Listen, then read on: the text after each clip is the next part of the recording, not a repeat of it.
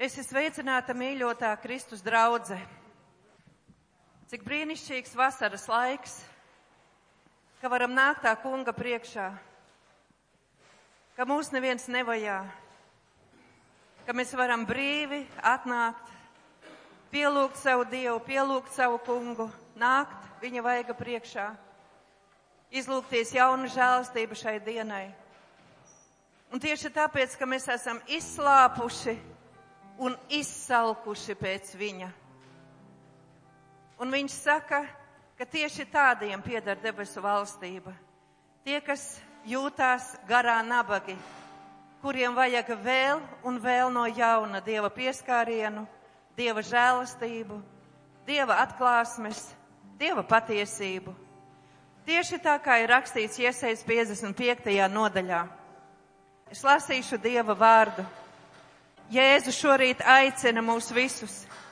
Visi izslāpušie, nāciet pie ūdens, un kam nav naudas, nāciet, pērciet un ēdiet.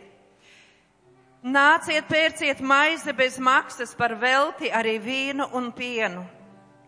Kādēļ jūs maksājat naudu par to, kas nav maize? Kādēļ jūs atdodat savu darbu par to, kas neder uzturam? Klausieties, klausieties uz mani tad jums būs daudz laba, ko ēst. Un jūsu dvēsele atspirdzināsies ar tauku barību. Piegrieziet man savu ausi un nāciet pie manis. Uzklausiet, tad atspirgs jūsu dvēseli. Es jums celšu mūžīgu derību. Tas ir Dāvidam dotais manas žēlstības apsolījums. Redzi, Es viņu iecēlu tautām par liecinieku, par priekšnieku un pavēlnieku. Redzi, tu aicināsi tautas, ko tu nepazīsti, un tautas, kas tevi nepazīst, nāks pie tevis tā kunga, tava dieva, Izraēlas svētā dēļ, tāpēc, ka viņš tevi paaugstinājis. Meklējiet to kungu, kamēr viņš atrodams, piesauciet viņu, kamēr viņš ir tuvu. Bezdievs, lai atstāja savu ceļu ļaunprāti savas domas un lai atgriežas pie tā kunga, kas par viņu apžēlojas, pie Dieva, jo viņš ir bagāts žēlastībā. Un arī mēs šajā rītā griežamies pie viņa, pie viņa kā pie avota, pie viņa kā pie mūsu Dieva, kā pie tā, kurš mūs var padzirdīt, kurš var mūs pabarot garīgi, mūsu dvēseli, mūsu garu. Šis ir jauniešu liecību un Dieva vārda sludināšanas dievkalpojums. Un tāpēc mēs dzirdēsim liecības, kādu vārdu, ko Dievs ir devis viņiem sirdīs. Un eh, kā pirmajam es došu vārdu Emīlam. Nāc lūdzu, saki savu liecību. Tātad. Uh, pirms kādas pusotras nedēļas es biju citā bērnu nometnē, mums tikko beidzās draudzes bērnu nometne bet es biju bērnu nometnē Hope, kas ir arī bērniem no grūtām ģimenēm un tā. Un uh, tur es vienu dienu staigājot, jūtu, ka man pie augšstilba starp kājām tā kā baigi kasās.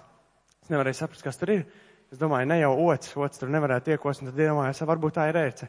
Un tad vakarā dušā, kad es mazgājos, es pārbaudīju, sapratu, jā, tā tiešām ir ērce.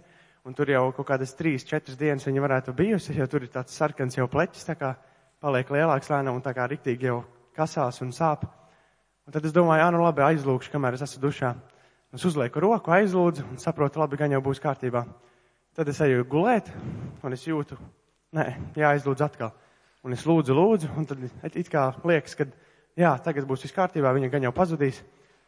Bet es tik un tā jūtu sirdī, kad Emīla nebūs. Tā ērce tik un tā tur paliks, un tev būs jāiet tur izņemt pie medmās, jo tu dziļi sirdī, tu netici, ka viņa pazudīs. Un tad es teicu, nē, Dievs, es lūkšu tik ilgi, kamēr es tiešām sajutīšu simts punkti, ka viņi vienkārši pazudīs. Nevis tikai tā, ka, nu, ja tomēr nepazūd, labi, tad es aiziešu pie medmāsas, viņa izņems. Bet nē, es lūdzu, jo es gribēju, lai viņi tiešām pazūd, lai Dievs tiešām pagodinās. Un tad es lūdzu, ka tik ilgi, kamēr es tiešām noticu, ka tā ērce pilnīgā pazudīs. Un tad es no rīta pamostos, un es tā kā domāju, nu labi, nu Dievs pastīšos, vai tur ir vai nav. Un tiešām nav vienkārši izkritusi ārā un ne uz gultas, nekur vienkārši nav ērce, pilnīgi pazudusi. Un galvenais, ka viņi jau tur četras dienas tā kā jau stāv, viņai nevajadzētu tik vienkārši, vienkārši no, nokrist. Bet viņa nokrita. Un tad uh, es arī atradu divas raksturvietas Bībelē. Pirmā būs no Jāņa evaņģēlija 11. nodaļas, kas arī bija tikko mūsu bērnu nometnē, 4. dienas tēma, kas saucās augšām celšanās. Un te ir stāsts par Lācaru, ka viņš ir nomiris, un tad uh, Jēzus gāja pie viņa uzmodināt. 39. un 40. pants. Jēzus saka, noņemiet akmeni. Marta, mirēja māsa, saka viņam, kungs, viņš jau ož, jo, jo ir uh, pagājušas četras dienas. Jēzus viņai saka, vai es tev nesacīju, ja tu ticēsi, tu redzēsi Dieva varenību. Un tad otra raksturvieta ir viena no manām vispār mīļākajām raksturvietām visā Bībelē. Tā ir Marka evaņģēlija 11. nodaļa, 22. līdz 24. pants.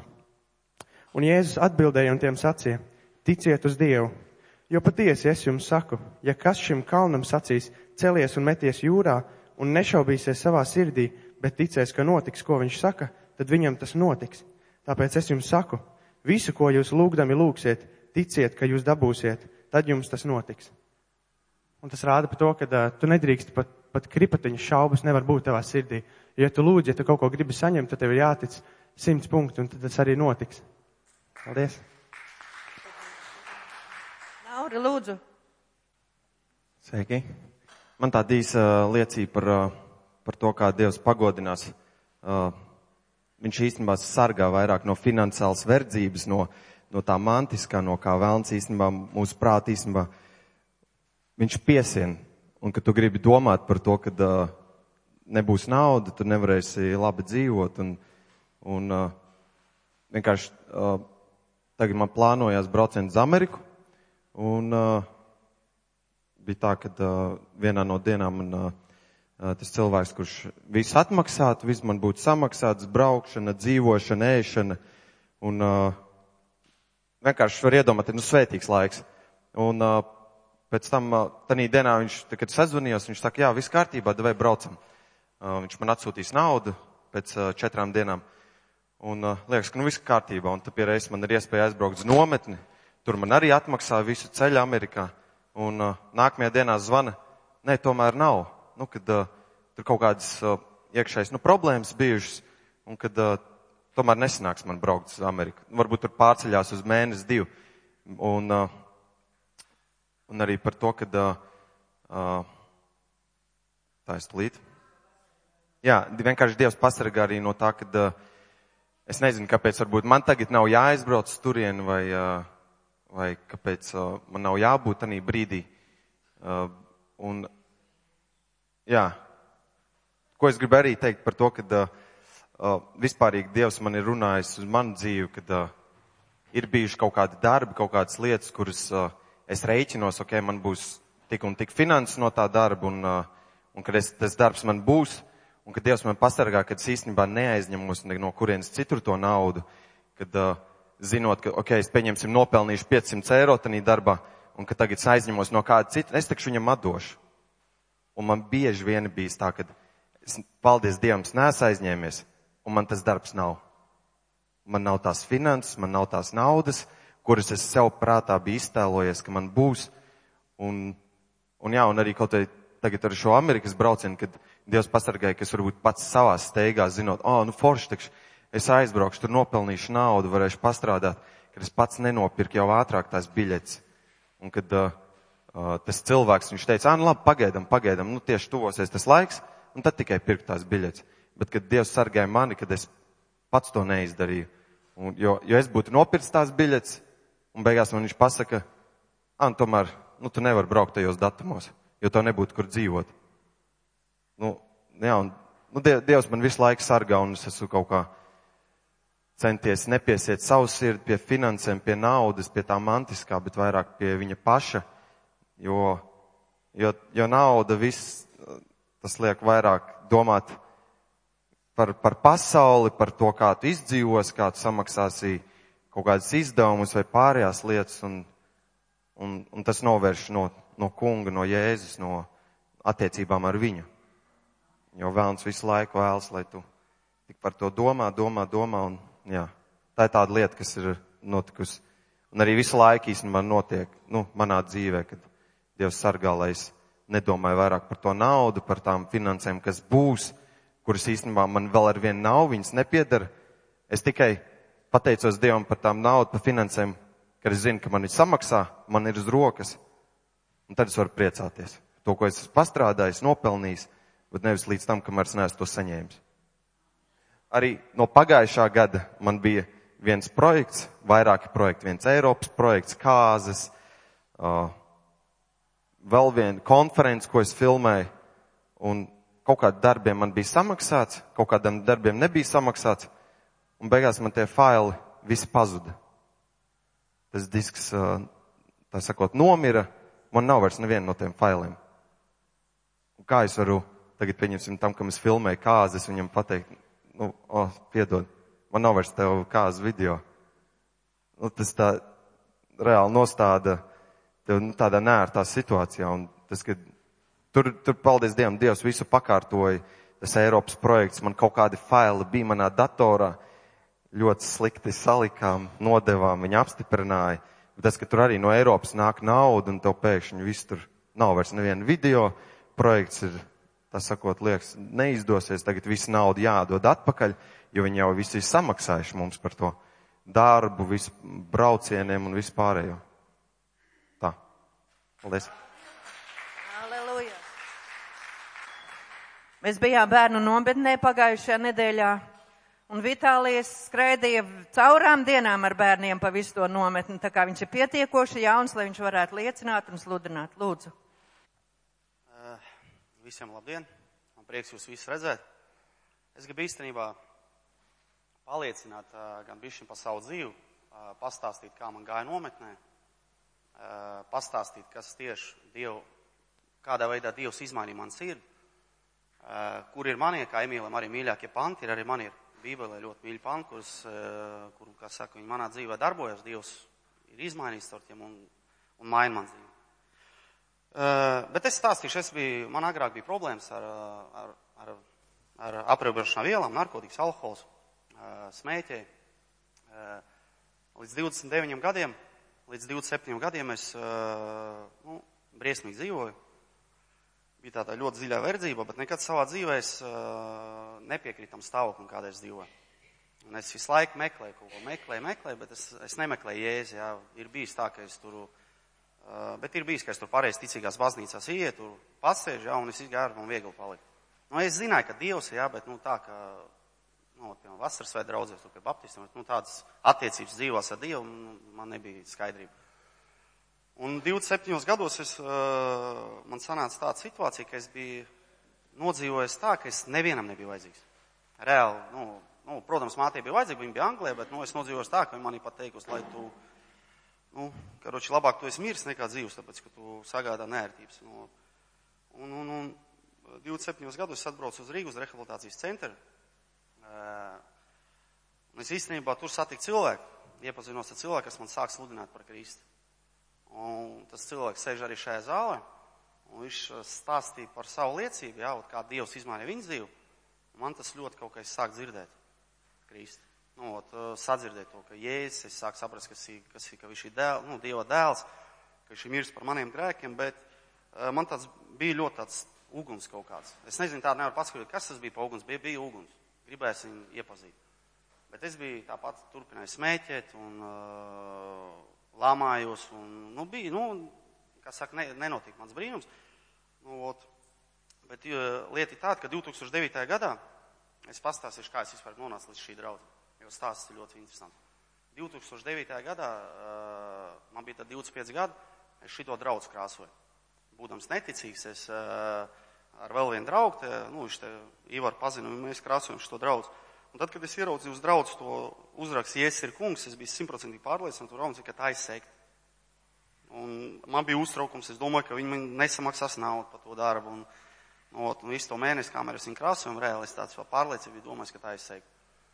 Bet notika tāds brīnums, ka pēc trijiem gadiem šajā sektā, jā, kur es domāju, ka tā izseikt, jā, pieņēma Kristu savā dzīvē. Jā izgāja priekšā, pieņēma Kristu, un, bet tāpat nenotika nekas manā dzīvē. Tāpat es turpināju lietot, tāpat es turpināju smēķēt un tā tālāk. Un tad Dievs izdarīja tā, ka viņš man izvēlēja no šīs pasaules, aizved uz rehabilitācijas centru, es tur biju trīs gadus, tur man bija, nē, īstenībā es sākumā biju septiņas mēnešus, es biju septiņas mēnešus, atbrauc vecāki meiti pie manīm, un es emocijas domāju, ka viss ir kārtībā, es tur kristījos, jā, un tiešām man, nu, jau domāju, ka viss ir kārtībā, ka es varu iet tur pasaulē, strādāt, atrast sev draudz. Un, nu, bet nekas nenotika. Es četras mēnešus krīt tādā grēkā, ka pilnīgi, nu, es eh, neizgāju pie pazīstamiem cilvēkiem, kas ir kristieši. Man bija kauns no viņiem. Ne es pa kaut kādu baznīcu, es pa visu biju aizmirst, ka es tā biju vīlies un es biju simtprocentīgi domājis un es tā biju nostādījis, ka es esmu tajā sarakstā, nu, ka es neesmu tajā sarakstā vai tik Dieva valstībā, ka man būs jāiet LE. Nu, bet, nu, Dievs žēloja. Sanāca īstenībā tā, ka viņi atbrauc man pakaļ. Tas centrs darbinieks, direktors, viņš vienkārši teica, ka no Dievs sirdī ielika atbrauc man pakaļ un savāk mani. Viņi zināja, ka es tur dzēru, lietu un narkotikas. Un viņi atbrauc savāc man, un pēc diviem mēnešiem notika brīnums, ka es, man bija tikšanās ar Dievu. Nu, un, nu, tad sāk manā dzīvē. Es īstenībā, tad, kad man bija tikšanās ar Kristu, es nesapratu, ka tā bija tikšanās. Es domāju, ka tas jākal emocijas tur paraudē, man tur nākušā dienā es tur staigāju tā kā pa mākoņiem, domāju, ka viss tik, viss, ka tāda mīlestība, pilnīgi, kāpēc citi tā dusmīgi, es to nevarēju saprast. Bet es tikai pēc trijiem mēnešiem konferencē sapratu, jā, es biju Maskavā konferencē, un es tur, uh, nu, mēs tur vakaros runājam pēc divkopiem visiem tiem, un es reāli sapratu. Tur viens liecināja par savu dzīvi Un es sapratu, ka tad jau man bija tā tikšanās, jo sāk atkrist grēki no manas dzīves. Es uh, pavisam savādāk sāku skatīties uz dzīvi. Nu, nu, tad pagāja divi gadi, es te centrā biju divi gadi un vienu mēnesi. Es uh, aizgāju prom un aizgāju uz vienu citu centru, uz, uz četriem mēnešiem pie baptistiem. Jā, un nu, man tā, tā, kā, tā kā adaptācija bija tā. Nu, un, nu, jau vairāk jau par gadu, gads un trīs mēneši, ka es esmu turienes prom, es jau dzīvo uh, patstāvīgi, var teikt, strādā viss. Un, un tad bija tāds brīdis, ka es meklēju draugu. Es zināju, ka man ir vajadzīga draudz, ka man ir vajag stāties draudzē, ka man vajag kalpot Dievam visu to. Bet es tā staigāju, īstenībā es nevis draudz meklēju, līgavs to meklēju. Jā, to, un vienā dienā man Dievs to, nu, at, nu atver, Dievu tā, tā kā, nu, ķipa, tu ne, ne to līgavu tu meklē. Tev sākumā vajag iet tajā līgavā, jā, un pēc tam Dievs svētīs, jā, vajag. Nu, man ļoti stipri tas, nu, nu kā saka, jā, apsūdzība tā, tā kā, nu, tāda, nu, Dieva bličīlas, nezinu, kā latvijas, apsūdzība, nu, tāda. Nu, ot, un tad es atnācu sāku atkal pagājušo gadu vasaru staigāt uz šito draudzu. Nu, es nezināju, ka es te stāšos. Jo es tā, nu, tad, kad es meklēju līgavus, es skatījos tā, palāp, danā, tie līgavus man nav, kur šitai, nē, tā jāmeklē kaut ko citu, tur jāiet, kādu priekvēst. Nu, godīgi tā bija. Nu, ot, un, uh, tad es, uh, ot, kad, kad tas notika, jā, ot, es, uh, nu, ka man vajag to stāties draudze, kad Dievs to atver, es, man reāli ļoti stipri atklāsim Dievs devu, jā, ka Kristus nāks pēc līgavus. Ja, un, nu, viņš nāks pēc līgavas. Man tas ļoti stipri saprata, ka man jābūt tajā līgumā, man jābūt tajā kalpošanā, man jābūt ir, un mans sirds jau deg visu laiku.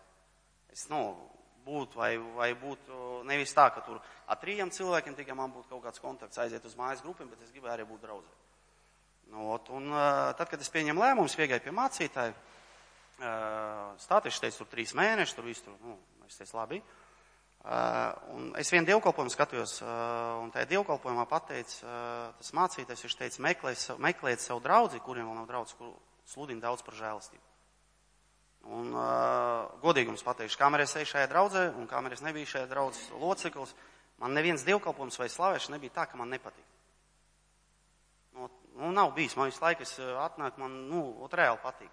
Bet es to nu, kaut kā nepamanīju. Citur es aizmanu garlaicīgi guļu vai kaut kā tā. Ja? Nu, ir kā patīk, es nesaku, ka cits draudzes līdz, bet tieši te es zinu un ticu, ka Dievs man te jau 9. gadā, kad es viņu krāsoju, viņš jau zināja, ka es šeit stāvēšu, liecināšu. Tas ir, es to tagad saprotu. Man ļoti, es, kad es atceros visu to gājienu, kā es gāju pa šo ceļu, nu, iztievot, kā Dievs tur deva atklāsums, deva tur, es nezinu, man bija tāds arī gadījums, ka 12. gadā, kad es pieņēmu Kristu, man bija tiesa, man īstenībā vajadzēja sēdēt cietumā, bet, nu, Dievs žēloja. Viņš nu, neļauj, viņš man, kā Dievs man ar, ar acinīm mazgāja, tā arī tiesā man viss piedeva un vispār nenosacīja, neko neiedeva. Un es sēdēju mašīnām, tā bija pirmo reizi, kad es Dievu balsi dzirdēju. Un man bija tas uztraukums, jā, un, un, un es Bībeli nebiju lasījis, es nedzirdēju nekādus tur rakstus. Ja kaut ko stāstīja dievkalpam, es to neatceros. Es domāju, ka jebkurš, ka pirmo reizi atnāca uz baznīcu, viņš to pirmo dievkalpam sen jau aizmirst. Jā, un, un, un, un es, kad, nu, domāju tur, jā, tur uztraucos par to tiesu, un man nāca balss, ne es neticīgs, bet es ticīgs.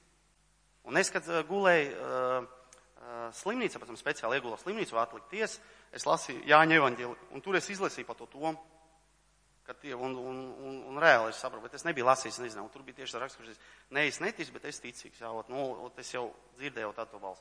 Bet, protams, nekas nemainījās, bet tikai man, kā saka, es uz tā ceļu jau biju un vajadzēja tikai, nu, nevis varbūt uz tā pareizā ceļa, jo nebija tā, ka mums bija uh, nometnē, jā, bet, nu, Dievs tomēr uz, uzlika uz pareizo ceļu. Nu, ot, un es īstenībā ļoti esmu Dievam pateicīgs, ka šajā draudzē es esmu. Un tad, kad es iestojos šajā draudzē, no tās pagājis ir pusgads.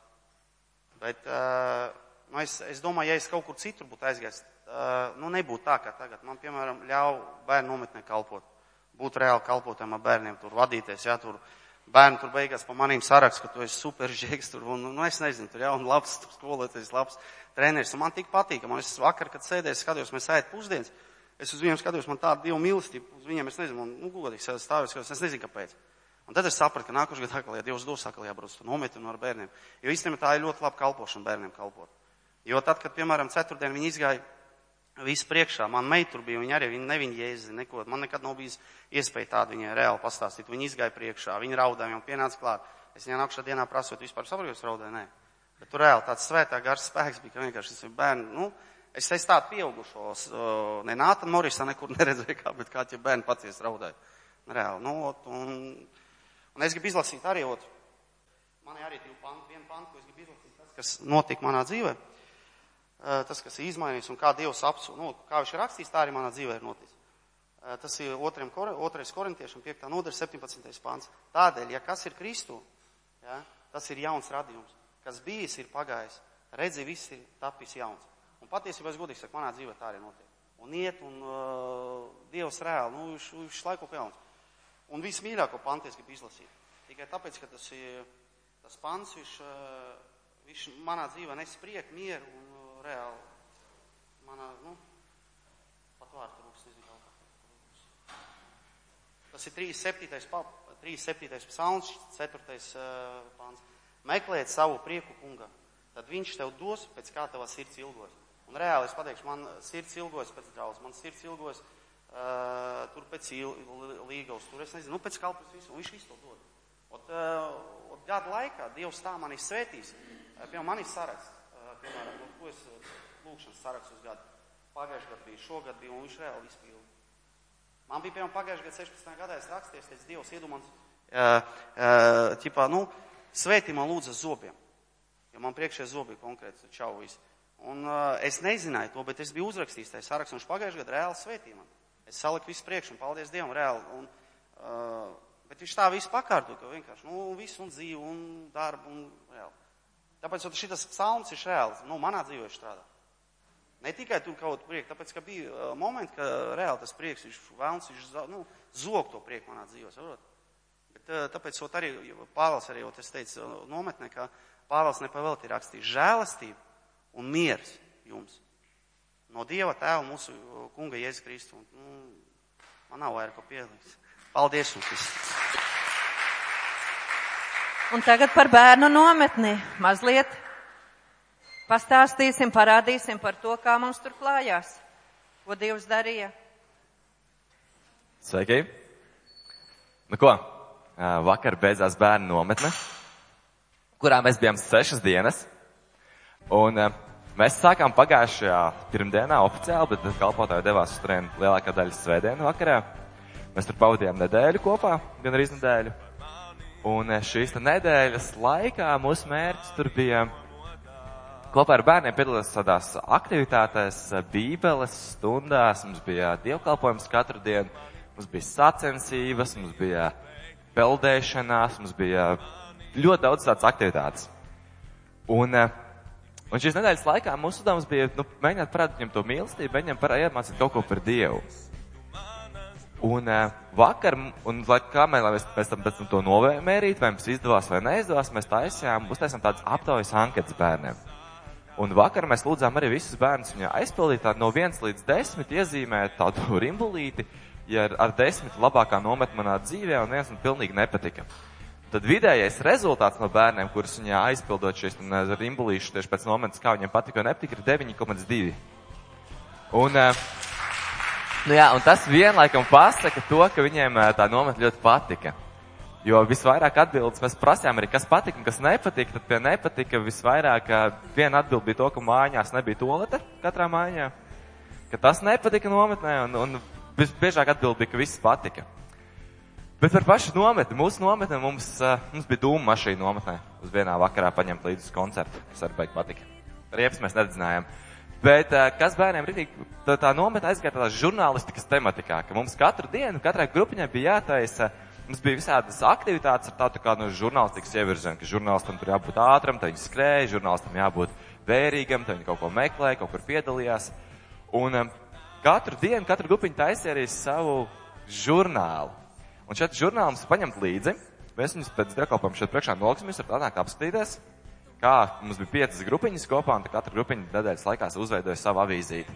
Un tad tieši šeit priekšā pēc tam pēc dekalpojuma stāvēs, jūs varat viņus apskatīties. Bet par pašu nometni.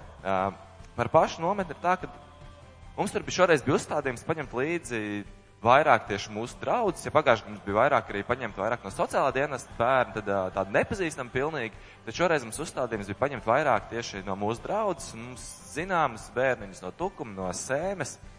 Uh, un ar No sākuma tā doma bija tāda, hei, mēs viņus vairāk zinām, viņiem tā vairāk būs tā kā tāda atpūtas nometne. Bet realitāte ir tā, ka tā nometne, man liekas, visvērtīgākā, mēs cēlāmies četros no rīta, dienas tēma bija pasaules gaisa, mēs četrām, četrā, cēlāmies četros no rīta, lai vērotu saulāktu, kurš nekad nenotika, jo bija apmācies. Bet piecelties mēs tā patīs piecēlāmies un bērniem vajag patika. Bet, uh, un tad tā doma bija, ka tur būs ļoti daudz bērnu, kurus mēs visus pazīstam, kuriem viss īstenībā dzīvē ir diezgan daudz kārtībā un labas ģimenes un tā. Bet realitātē mums tur atbrauc ļoti daudz bērnu, par kuriem mēs pat maz nezinājām, no kādām vietām viņi nāk, no kādām ģimenēm viņi nāk. Un, piemēram, vien pāris bērniem tas bija pat par ļoti lielu svētību. Šo nomu bija kaut tikai tāpēc, ka viņi dabūja piecas dienā paēst. Jo izrādās, ikdienā viņam tāda iespēja, nu labi, kurš piecas dienās vispār ēd, bet vispār tā paēst. Un nometnes mums bija arī, katru dienu bija savu garīgā tēma, mums bija pasaules gaisa, mums bija augšām celšanās, mums bija par ceļu, to, ka Dievs ceļš patiesība dzīvība, par to, ka Jēzus ir. Un um, ceturtās dienas laika vakarā mums bija dievkalpojums, ka mēs aicinājām bērnus, kur vēl nav pieņēmuši Jēzu, kur gribētu saņemt aizlūgšanas, iznākt priekšā un aizlūgt, aizlūgt Dievu par viņiem vai pieņemt kopā Dievu. Un no 40 bērniem, kas mums piedalījās nometnē, iznāca 39, 29, sorry, 29, atvainojos, 29. Un uh, tas vien bija tā, ka daudz no viņiem atjaunoja šo ticību, daudz no viņiem pieņēma jēzu, daudz no viņiem vienkārši lūdza uh, saņemt aizlūgšanas. Uh, Un tā kopumā tur notika ļoti daudz, kas tāpēc tāda viena lieta izsvērt ļoti grūti, bet, nu, piemēram, mēs taisījām pirmo reizi mums ir kobilde. Tās laterniņas, tos ir, kas ir bērni uztaisījuši paši pa dienu. Mēs cēlāmies četras no rīta, lai vērotu sauli, saulēktu, kad, dien, kad tēma bija pasaules gaisa. Pirmajā vakarā mums bija koncerts ar dūmu mašīnu. Tā dūmu mašīna ir paredzēta 200 kvadrātmetru telpai. Mums bija apmēram 40 kvadrātmetru telpa. Un tad tur bija tā pa īstam dūmu piedūmot telpa. Bet tas bija forši. Tas bija tāds kaut kas jauns pieredzes. Mēs, uh, gājām peldēties bukām no tēlēm. Mēs, mēs, mēs, mēs spēlējām tādas sporta spēles. Un šogad mēs īpaši lielu uzsvaru likām to, ka mēs nedal, nedāvinājām vajag daudz kā cits gads. Mēs esam devuši daudz tādas konfektas un tur saldums, un viņus piebarojam riktīgi. Kad šoreiz mēs ļoti, ļoti uh, limitējām to, to saldumu daudzumus, kurus mēs dodam. Mēs tiešām devām tikai to, ja kāds uzvarēja, kāda komanda iedevām viņam šoka končiņu vai kožlani. Un tādā veidā tās, tā nometne bērniem palika tāda pieešanās nometni, tur saldumu vannām, bet par tiešām to pieredzi, ko viņi tiešām par tām sajūtām, ko viņi iegūst par to, par to mīlestību, ko viņi jūta. Bet, ja mēs ar pajautājām, vai viņi jūta, vai viņi sajūt tiešām tādu mīlētu sajūtās šajā nometnē. Un jā, viņi tiešām sajūtās mīlēti. Mūsu vadīt, liel, milzīgs paldies mūsu grupiņu vadītājiem, kuri iznes to lielo darbu. Paldies Allai, kas vadīja Bībeles stundas, Dianai, kas vadīja radošās darbnīcas visu un rūpēs par ļoti daudz ko. Un šī novada beigās palika par tiešām tādu vietu, kur eh, bērni reāli nedēļas laikā atpūtās, katru dienu dzirdēja par Dievu, katru dienu viņiem runāja, deva savas liecības mūsu grupiņu vadītāji, personīgi izrunājās, parādīja to mīlestību, tā, ka beigās bērniem bija diezgan žēl ļoti daudziem braukt projām. Varbūt ne tiem, kurus mājās gaida, bet baseins un, eh, un platkrāna televizors, bet tie, tieši tiem, kuriem, vat, kuriem tā nometne bija visvērtīgākā, tie bija tie bērni, kur bija atgriežas atkal mājās pie vecākiem alkoholiķiem, kur nekad mūžā nebūtu dzirdējuši par Dievu un nekad mūžā nebūtu pavadījuši tādu vienkāršu nedēļu, neuztraucoties par neko. Tad uh, rezultātā, jā, vidējais novērtējums 9,2. Kalpotājiem, liekas, arī to nu, uztvēra kā tādu ļoti labu, manuprāt, sadraudzīgu. Mēs tiešām viens otru pavadījām, laikam mēs pa īstam kalpojām, mēs bijām tur ķeksījuši pēc. Un tad kopā tā mana personīgā liecība tas, ka Dievs mūs ļoti, ļoti ir svētīja. Mums visas dienas bija, gan arī visas dienas bija ideāls laiks, viena diena tikai bišķiņa palija, pārējās dienas mums uh, nebija ļoti karsts, bet bija pietiekami silts, lai varētu. Mums nebija nevienas pašas īstas traumas. Nu, protams, ir katrā nometnē kāds bērns, kurš uz laiku kaut ko savu saskrāpē. Bet uh, tā pa īstenības traumas mums nenotika. Mums visi bijām pēduši, visiem viss bija labi, visiem neviens neaizbrauca savainojies vai zilumēts, neviens nesakāvās tā pa īstam. Mēs neko nesalauzām nometnes vietā. Tur varbūt sadedzinājām savu batutu, bet tas jau bija mūsu pašu iekšējais pasākums. Un uh, beig beigās, jā, beig beigās es personīgi esmu tiešām pateicīgs Dievam par šo nometni. Tas ar mums pašiem ļauj paskatīties citādāk un tiešām kalpot tiem bērniem un uh, tā būtu sniegt to mīlestību, darīt to tiešām labāko, lai viņiem būtu forši. Bērni to ir novērtējuši. Daudziem ļoti, ļoti tas patika. Bija arī vērtīgi, tīpaši tiem, kuriem tas bija vajadzīgs tā nometne. Un uh, rezultātā tiešām paldies Dievam, paldies uh, visiem, kas atbalstīja, paldies labajai bodēji, kur visu gadu bija strādājuši, lai mēs varētu atbalstīt finansiāli šādu nometni uztaisīt, jo mēs arī, lai varētu aizbraukt uh, tādu bērnu, kuriem ikdienā nav iespēja, viņiem bez tāda dalības maksa bija 20 eiro. Kaut realitātē tāda nedēļas nometne parasti maksā 150-200 eiro. Nu tā, jūs gribat aizsūtīt savu bērnu uz nedēļu kaut kur projām no vecākiem. Nu, vot. Tad uh, tiešām liels paldies visiem, kas piedalījās, kas lūdza tajā laikā un uh, kas, kas, kas kalpoja. Tā kā tā, paldies. Jā. Kristaps pastāstīja, kā no organizatora puses, no uh, cilvēku, kurš šādas visas nometnes var pastāstīt nedaudz vairāk kā grupiņas vadītājs, konkrēti par bērniem nedaudz. Uh, es esmu bijis da dažādās nometnēs, bērnu, jauniešu, visu kaut kur. Un es esmu redzējis nometnes, kur bērni atrauc, viņiem ir foršs laiks, un viņi aizbrauc, un tas ir tas, ko viņi atcerās. Foršs laiks bija, pat ja tā ir kristīga nometne. Un es domāju, ka varbūt būs līdzīgi, jo tie ir svētdienas skolas bērni, viņi svētdienas skolās zina visas pareizās atbildes, jo vienmēr pareizā atbildes uz visiem jautājumiem ir Jēzus, vai ne? Pēc svētdienas skolas. Un uh, man šī, ka būs līdzīgi, bet nē. Man grupiņā bija sešas meitenes, laikam, jā, sešas. Un uh, man bija pilnīgi patiesa prieks, ka viņas sešas visas iznāca priekšā un viņas pieņēma jēzu, jo patiesībā, kaut arī nu, dzirdot no vecākiem vai no radiniekiem um, par kristietību, nu, nav tā, ka tu uzreiz visu saproti, vai ne? Un man bija prieks redzēt, ka tie bērni, ka viņi atbrauc, viņi, viņiem nevis tikai bija labs laiks, bet viņi tiešām, viņi tiešām dzirdēja par Jēzu, un trešajā vakarā viņi tik daudz ko jautāja, jautājumus, un ka tas bija tiešām tā no sirds kad uh, viņi mājās aizvedīs ne tikai foršas atmiņas par skaistu laiku un peldēšanos, bet arī kaut ko vēlāk, ka viņi pieņēma jēzu un ka tagad jēzus ir viņa labākais draugs. Tā, ka to es gribēju pateikt. Ka tas nebija tikai foršs laiks, bet tur bija arī tiešām garīga nozīme apakšā, un man tur ir ļoti liels prieks, jo ne visās nometnēs tā mēdz būt, bet šoreiz tā bija. Jā. Es arī mazliet gribu padalīties, kā es vispār nokļuvu līdz nometnei. Es vēl visu vasaras sākumu domāju, ka es nebraukšu, jo es meklēju darbu un es domāju, kā tas būs, ja es sākšu strādāt vasarā un jau prasīšu atvaļinājumu uz nedēļu. Un es visur izsūtīju CV un gaidu atbildes, un man visi atsaka, atsaka, atsaka. Un tad es domāju, nu labi, ir jau jūlijas sākums, nav vērts, es vairs negaidīšu, vienkārši jāpiesakās, jābrauc kalpot. Un tiklīdz es pateicu pārslēgu, kad es braucu, pēc dažām dienām man zvana no viena darba un saka, ziniet, mums tomēr vajag, lai jūs nākat strādāt, jo, nu, viņiem steidzami vajag vēl vienu darbinieku. Un es tik ļoti paliku priecīga, un es saku, bet vienīgi, nu, es nevarēšu vienā nedēļā, jo ir bērni, nu, es braucu uz nometni, un es nevaru tur no, no viena līdz tam datumam. Un viņi saka, ā, es tā pasaku, kas tie pa datumiem, un tā vadītāja saka, ļoti labi, mums tieši šajā laikā tā kā būs, nu, es bērndārzā strādāju, tieši bērndārs būs ciet, jo mums labos jumtu. Un tad es, tā, es biju tik laimīga, un man likās, tas ir, nu, ka Dievs tā ir sakārtojis, ka es dabūnu darbu, un tieši tajā nedēļā man nevajag prasīt tā kā atvaļinājumu, man nevajag prasīt brīvu, jā. Un tas bija tāds ritīgi Dievu vadīts, un man ļoti patika arī pašai nometnē, es biju pirmo reizi. Uh, man visvairāk uzrunāja arī šis ceturtdienas vakara dievkalpojums. Un tad, kad es dzirdēju, ka teica, jā, kad tiks bērni aicināti priekšā, par viņiem varēs lūgt un pieņemt jēzu, man es tā pie sevis padomāju, nu jā, viņš neko nesaprot, viņi vēl maziņi visi.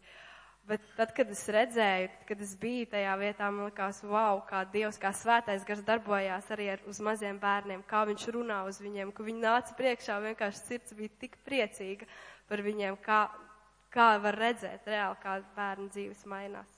Jā, paldies!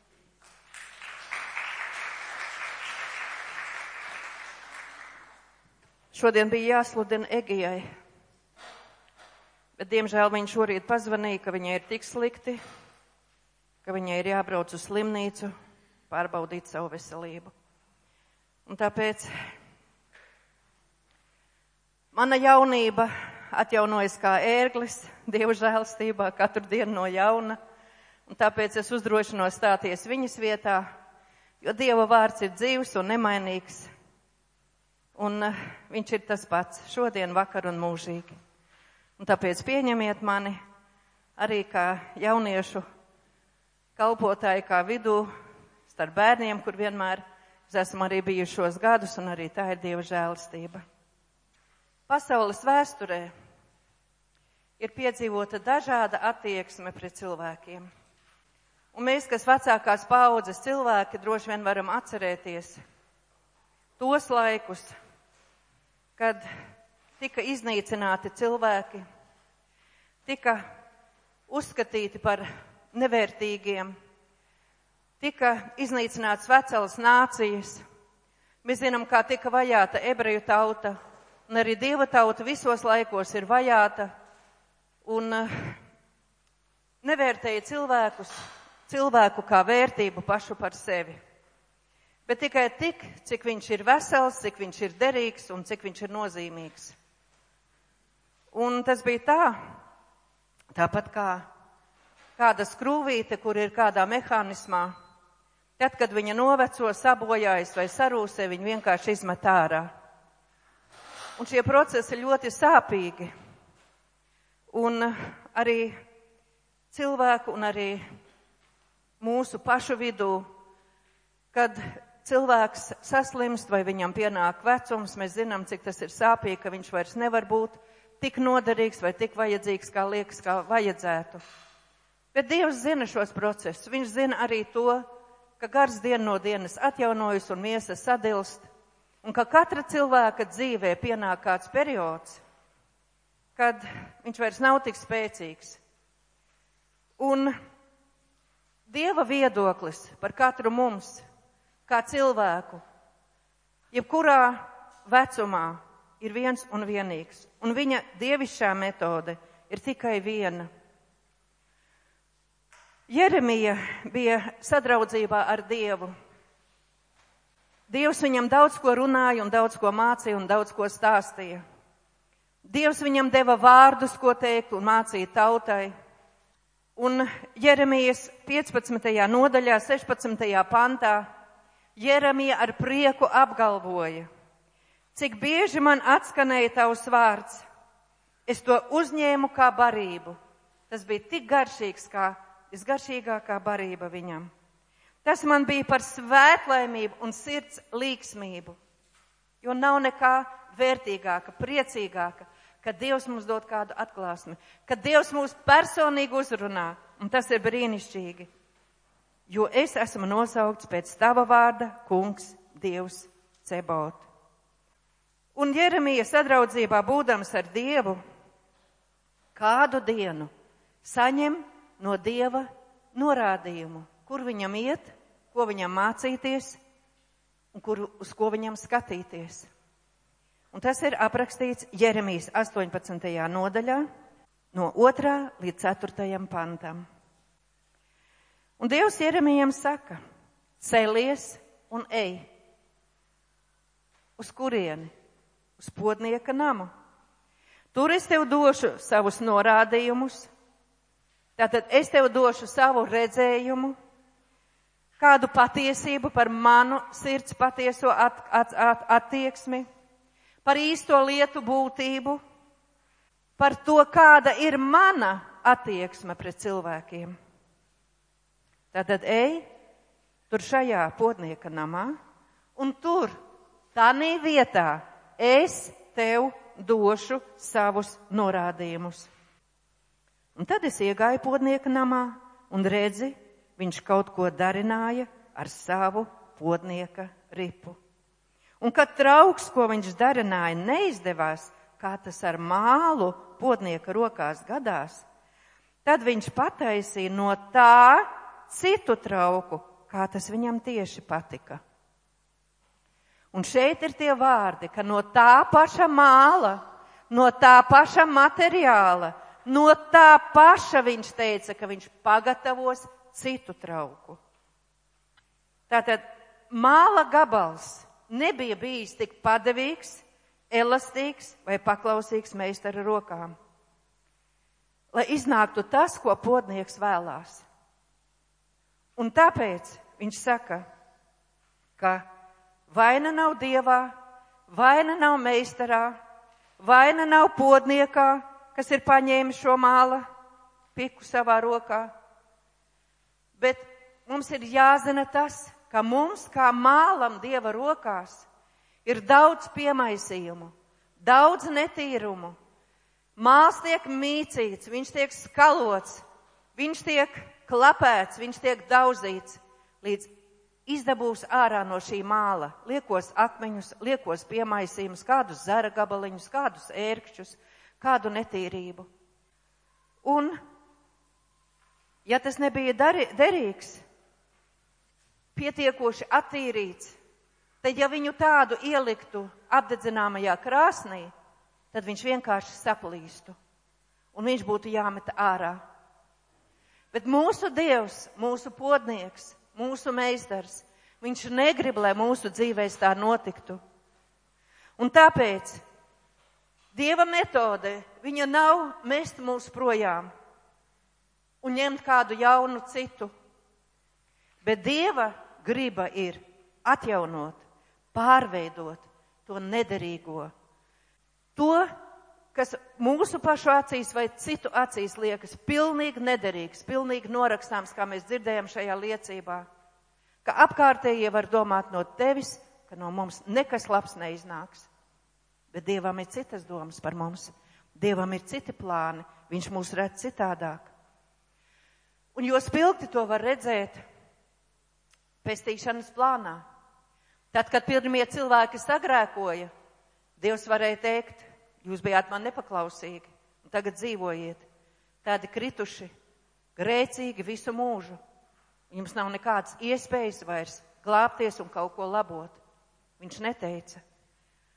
Bet viņš teica, ka viņš pats atdos savu dzīvību, savu samaksu lai no šī te kritušā, grēcīgā cilvēka izveidotu jaunu radījumu, jaunu cilvēku, jaunu, kas sekos Dieva likumiem, kas būs paklausīga, pakļāvīga tauta zem viņa autoritātes un zem viņa rokas. Un ja mēs paskatāmies Izrēla ceļu, e, kad Izraels tika vest ārā no Ēģiptes, tad Dievs teica, ka viņš nav izvēlējies šo tautu tāpēc, ka viņa bija laba, paklausīga un padevīga Dievam, bet tieši otrādi. Viņš daudzkārt teica, ka tā ir stūrgalvīga, pretestīga, nepakļāvība, nepaklausīga tauta, kas bieži abēdina svēto garu, kas bieži nedara tā, kā Dievs saka, tā ir neticīga un nepaļāvīga uz Dievu. Un pat tad, kad Mūzus apskaitās par šīs tautas nepaklausību un nepakļāvību. Tā, ka pat Dievs teica, ka ļauj mūzu, es iznīcināšu šo tautu un es radīšu jaunu tautu sev. Tad mūzis nokrita, brēca uz Dievu un Dievs atļāvās pielūgties un nolēma, ka viņš neiznīcinās jūdu un Izraēlu tautu. Un Dievs atļāvās pielūgties. Un tādā kārtā Dievs audzināja savu tautu, disciplinēja, pat pārmācīja, bet nekad neatmeta. Un 5. mūzes 8. nodaļā, 5. mūzes 8. no 2. līdz 9. pantam. 5. mūzes 8, 2 līdz 9. Ko viņš saka par savu tautu, par to ceļu, par to gājumu? Viņš saka tā, Un tev ir jāpiemina viss tas ceļš, pa kuru tas kungs, tavs dievs, tevi ir vadījis tuksnesī visus šos 40 gadus, lai tevi pazemotu, lai tevi pārbaudītu, un lai viņš zinātu, kas ir tavā sirdsprātā, vai tu viņa baušļus turēsi vai nē. Un viņš tevi pazemoja, lika tev badu ciest, ēdināja tevi ar mannu, ko tu vēl nepazini, un ko tavi tēvi nebija pazinuši lai liktu tev atzīt, ka cilvēks nedzīvo no maizes vien, bet ka cilvēks dzīvo no visa tā, kas iziet no tā kunga mutes. Tātad no attiecībām ar Dievu, ar sadraudzību ar viņu, lai varētu izlūkties ceļa virzienu, ceļa gājumu, lai varētu saņemt no Dieva to vārdu, to atklāsmi, to gudrību un saprašanu, kas katrā situācijā ir vajadzīga un kas ir jādara. Un viņš saka, tavas drēbes tavā mugurā netapa par skrandām un nekrita nost, un tavas kājas nav uztūkušajos 40 gados. Tad nu atzīsti savā sirdsprātā, ka tas kungs tavs dievs tevi pārmāca tā, kā tēvs pārmāca savu dēlu. Un turi tā kunga sava dieva baušļus, ka tu staigā viņa ceļos un viņu bīsties, jo tas kungs ir tavs dievs, Viņš tevi vada uz auglīgu zemi, uz zemi ar ūdens strautiem, ūdens kritumiem un avotiem, kas rodas ielajās, bet arī nāk no kalniem. Uz zemi, kur ir kvieši un mieži, vīna stādi un vīģu koku un granāta ābolu koki, uz olīvu koku zemi, kurā tek eļļa un medus, uz zemi, kur tu maizi vairs nēdīs trūkumā kur tev nekā netrūkst, uz zemi, kuras akmeņos ir dzels un no kuras kalniem tu vari izcirst varu. Un kad tu to ēdīsi un būs paēdis, tad teici to kungu savu dievu par to auglīgo zemi, ko viņš tev ir devis. Mums kādreiz liekas, ka situācijas mūsu dzīvē ir pārāk varbūt bargas, pārāk negaidītas, pārāk smagas, bet mums ir jāatcerās viena lieta ka mēs esam sava tēva, sava veidotāja, sava radītāja rokās. Un katrā šajā situācijā viņš mums grib kaut ko iemācīt. Citā situācijā viņš varbūt mums māca ticību, paļāvību uz viņu. Citajās lietās varbūt mums vajadzīga pazemība, mēs esam pārāk lieli un varani savā augstprātībā. Citreiz viņš vienkārši mums grib parādīt savu godību, savu žēlstību, cik viņam ir laba un žēlstīga sirds. Un caur visu to, caur ko mēs ejam savās dzīvēs, mēs mācāmies un esam kā māls viņa rokās, un viņš ir kā veidotājs. Un ar vienu nolūku tas notiek, lai mēs būtu derīgi, trauki viņam. Un viņš Izrēlim teica, un arī mums to pašu saka. Redzi, nāks dienas, saka tas kungs, kad es slēgšu jaunu derību ar Izrēla namu un ar Jūdas namu Tad es tiem došu citu sirdu un jaunu garu. Es izņemšu viņiem no krūtīm akmens sirdi un iedošu tiem sirdi no miesas, lai tie staigā pēc maniem likumiem un ievēro manus baušļus. Un tad, kad Jēzus nāca kā pie savējiem, viņu viņu nepazina, viņu viņu nepieņēma, tad Dievs teica, kad ejiet pie pagāniem Jo tagad ir atnācis pagānu laiks. Un romiešiem 11. nodaļā mēs redzam un varam pārliecināties par to, ka Dievs nebūs atmetis arī Izrēlu. Kaut gan uz laiku šie zari ir nokautuši, viņi ir izcirsti, Bez stumbras un sakne paliek tas pats. Jēzus Kristus ir tas pats, viņa upuris un nopelns, un viņa viena koks joprojām izdod tās pašas spēcīgās sulas un to pašu dzīvības varenību. Un tāpēc viņš saka, ka arī šo mālu, kurš varbūt ir nederīgs, stūrgalvīgs un neticīgs, kurš uz laiku varbūt ir atmests no Dieva, viņš atkal piepotēs viņu atpakaļ. Un viņš strādās pie tā, Un viņš darīs to, kas ir Dieva nodomos, jo viņš grib no tā paša māla, no tā paša Izrēla izveidot arī jaunu trauku, jaunu pieņemamu Dievam. Un tāpēc romiešiem 11. nodaļā no 17. līdz 23. pantam mēs varam ieskatīties. Tātad romiešiem 11, no 17 līdz 23. Bet ja nu daži zari izlaužti un tu meža eļas koka atvase būdams esi uzpotēts viņu vietā un dabūjis daļu pie eļas koka saknes un taukuma, tad nelielies zaru priekšā. Bet ja lielies zini, ne tu nes sakne, bet sakne nes tevi. Tu varbūt iebildīsi zari izlaužti, lai es tiktu iepotēts. Pareizi, savas neticības dēļ tie izlausti. Bet tu turies ar savu ticību, tāpēc neesi iedomīgs, bet pilns bības. Jo, ja Dievs nav taupījis dabīgos darus, viņš arī tevi netaupīs. Redzi šeit kopā Dieva laipnību un bardzību. Bardzību pret tiem, kas krituši. Laipnību pret tevi, ja tikai tu paliksi uzticīgs šai laipnībai, citādi arī tevi izcirtīs. Viņi tur pretīm, ja viņi nepaliks savā neticībā, tiks iepotēti, jo Dievs viņus spēja atkal iepotēt. Tātad viņi nav atmesti pavisam un galīgi.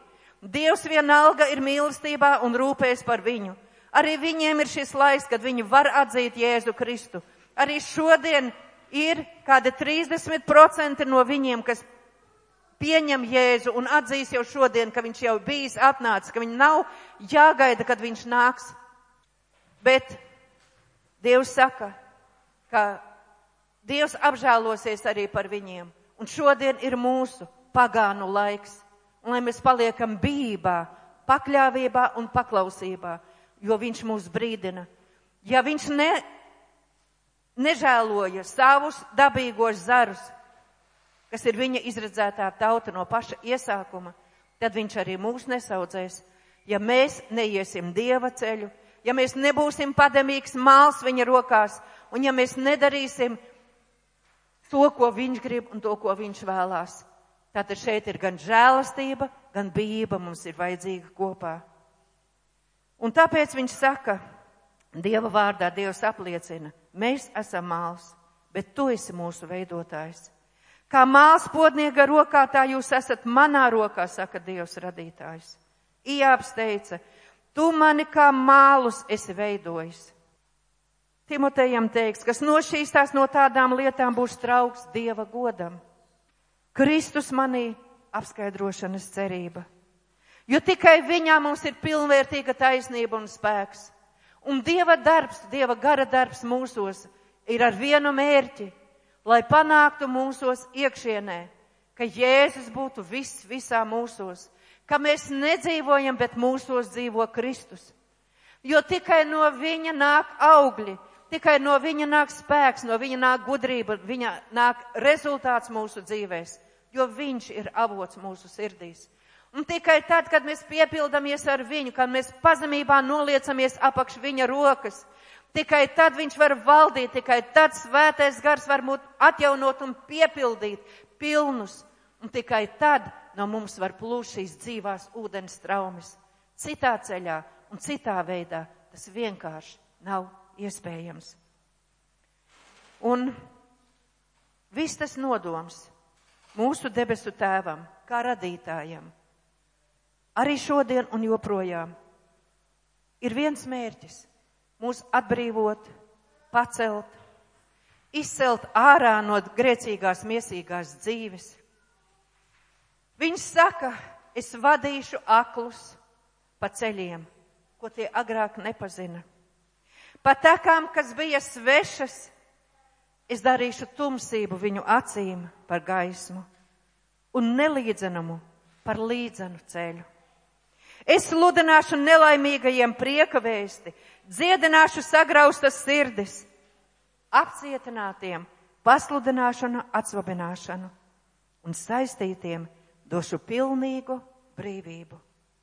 Sēru drēbju vietā prieka eļu, noskumuša gara vietā slavas dziesmu. Un viņš ir tas, kas uzcels agrākos laikos sagrauto un izpostīto. Un viņa mērķis ir mūs attīrīt, atbrīvot un piepildīt ar sevi. Lai Kristus būtu mūsos un mēs būtu Kristū. Lai mēs būtu viens ar viņu garā, viņa mērķos, viņa ceļos, viņa staigāšanā. Un visa Dieva darbība ir vērsta uz to, lai mums būtu tāda sirds salauztība, tāda sirds sadarība, ka mēs būtu vienoti garā ar vienu mērķi, ietu vienu ceļu un skatīties tikai uz viņu.